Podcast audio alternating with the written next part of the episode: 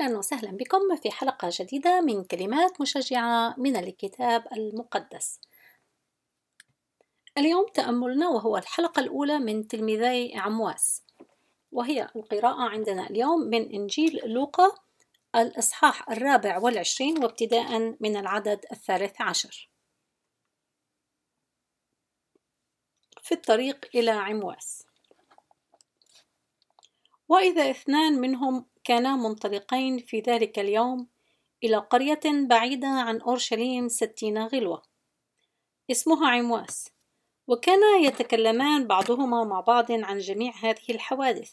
وفيما هما يتكلمان ويتحاوران اقترب إليهما يسوع نفسه وكان يمشي معهما ولكن أمسكت أعينهما عن معرفته. فقال لهما ما هذا الكلام الذي تتطارحان به وأنتما ماشيان عابسين فأجاب أحدهما الذي اسمه كليوباس وقال له هل أنت متغرب وحدك في أورشليم ولم تعلم الأمور التي حدثت فيها في هذه الأيام؟ فقال لهما وما هي؟ فقال المختصة بيسوع الناصري الذي كان إنسانا نبيا مقتدرا في الفعل والقول أمام الله وجميع الشعب كيف أسلمه رؤساء الكهنة وحكامنا لقضاء الموت وصلبوه؟ ونحن كنا نرجو أنه المزمع أن يفدي إسرائيل.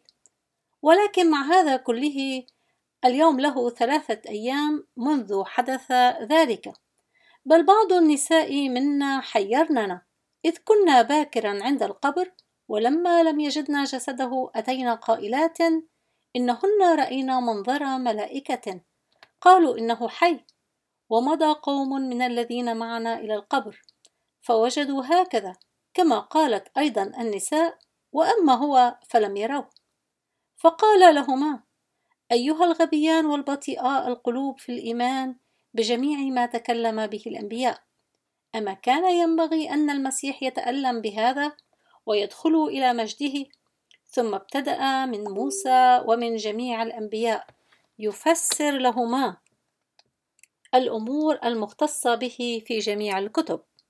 ثم اقتربوا إلى القرية التي كانا منطلقين إليها وهو تظاهر كأنه منطلق إلى مكان أبعد.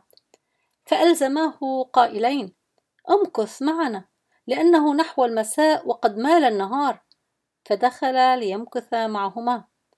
فلما اتكأ معهما أخذ خبزا وبارك وكسر وناولهما فانفتحت أعينهما وعرفاه ثم اختفى عنهما.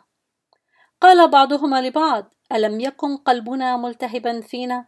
إذ كان يكلمنا في الطريق ويوضح لنا الكتب فقاما في تلك الساعة ورجعا إلى أورشليم ووجدا الأحد عشر مجتمعين هم والذين معهم. وهم يقولون إن الرب قام بالحقيقة وظهر لسمعان. وأما هما فكانا يخبران بما حدث في الطريق وكيف عرفا عند كسر الخبز. وفيما هم يتكلمون بهذا وقف يسوع نفسه في وسطهم وقال لهم سلام لكم. هذه قراءتنا من إنجيل لوقا الإصحاح الرابع والعشرين ابتداء من العدد الثالث عشر. وهذا المقطع من الكتاب المقدس زمن هذا الحدث. زمان الحدث حين قالوا في العدد الواحد والعشرين له ثلاث أيام منذ حدث ذلك. فالتلميذين هنا يتكلمان عن حدث الصلب وأن الصلب قد حدث منذ ثلاثة أيام. والنهار الذي هم آه، غادروا أورشليم في العودة إلى بلد عمواس هو نفس اليوم الذي قام فيه الرب يسوع هو يوم الأحد. فيوم القيامة ظهر الملائكة للنساء وبعدما ذهب أيضا بطرس ويوحنا ورأوا القبر فارغ والملائكة قالوا للنساء أن يسوع حي ليس هو ها هنا لكنه قام. هذا ما يعرفونه ولكن هم لم يروا الرب يسوع على ما يبدو وصار الوقت ربما آه، بعد الظهر حيث هم وصلوا إلى عمواس حين مال المساء. فهم منهكين من الأحداث التي حصلت وهم لابد أنهم منهكين من الطريق. مكان هذا الحدث هو في الطريق من أورشليم إلى عمواس. المسافة 60 غلوة يعني سبعة أميال أو أحد عشر كيلومتر فاصلة اثنان. فالمكان الحدث هو في الطريق. بلدة عمواس بالذات لا نعرف بالضبط أين هي بلدة عمواس هل هي طمرت تحت الأرض ولكن نعرف أنها بعيدة سبعة أميال عن أورشليم. مدة الحدث نتوقع أن الرب يسوع رآهم في الطريق وتحدث معهم عن النبوءات بما يختص به من موسى والأنبياء. فلا نعرف بالضبط كم دام هذا الحديث ولكن مسافة الطريق من أورشليم إلى عمواس هي ثلاث ساعات فالوقت الذي أمضاه يسوع يحدثهم عن الأنبياء وما يختص به من تحقق النبوءات لا أكثر من ليس أكثر من من ثلاث ساعات. من هو كليوباس؟ كليوباس هو الاسم اليوناني لحلفة. في الكتاب المقدس عندنا اسم حلفة وبالعربي حلفة ولكن باللغة العبرانية الحاء تصبح خاء والفاء هي باء. فحين نريد أن نحول حلفة إلى العبرانية تصبح خلبة. So, خلبة تحول خلبة من العبرانية إلى اليونانية تصبح كالبا ويضيف السين كالباس أو نقول هنا كاليوباس. فهو حلفة. هو نفس الشخص الذي اسمه حلفة. ونحن نعرف أن أحد تلاميذ الرب يسوع هو يعقوب بن حلفة. حين نقرأ في متى عشرة ومرقس ثلاثة ولوقا ستة وأعمال الرسل واحد كلها تذكر أسماء التلاميذ ويعقوب بن حلفة مذكور من التلاميذ. فهناك احتمال أن يكون كليوباس أو حلفة هو أبو يعقوب أحد تلاميذ الرب يسوع فهو قريب من الحدث. أيضا زوجة كليوباس هي مريم التي كانت عند الصليب بجانب مريم العذراء. فنرى أن آه، كليوباس وزوجته كان جزء من الحدث الذي حصل في الصلب وآلام الصلب.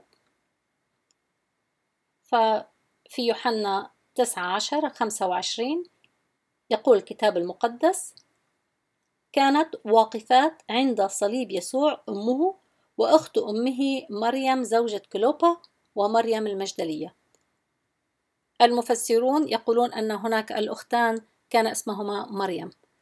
فيبدو أن هذا الأمر كان وارد في أيام زمان. الأشخاص الموجودين بالحدث كما قلنا كليوباس والتلميذ الآخر لا أحد يعرف بالضبط من هو التلميذ الآخر. البعض يقول ربما يكون لوقا بما أن لوقا كتبه. والبعض يظن أن التلميذ الآخر كانت زوجة كليوباس.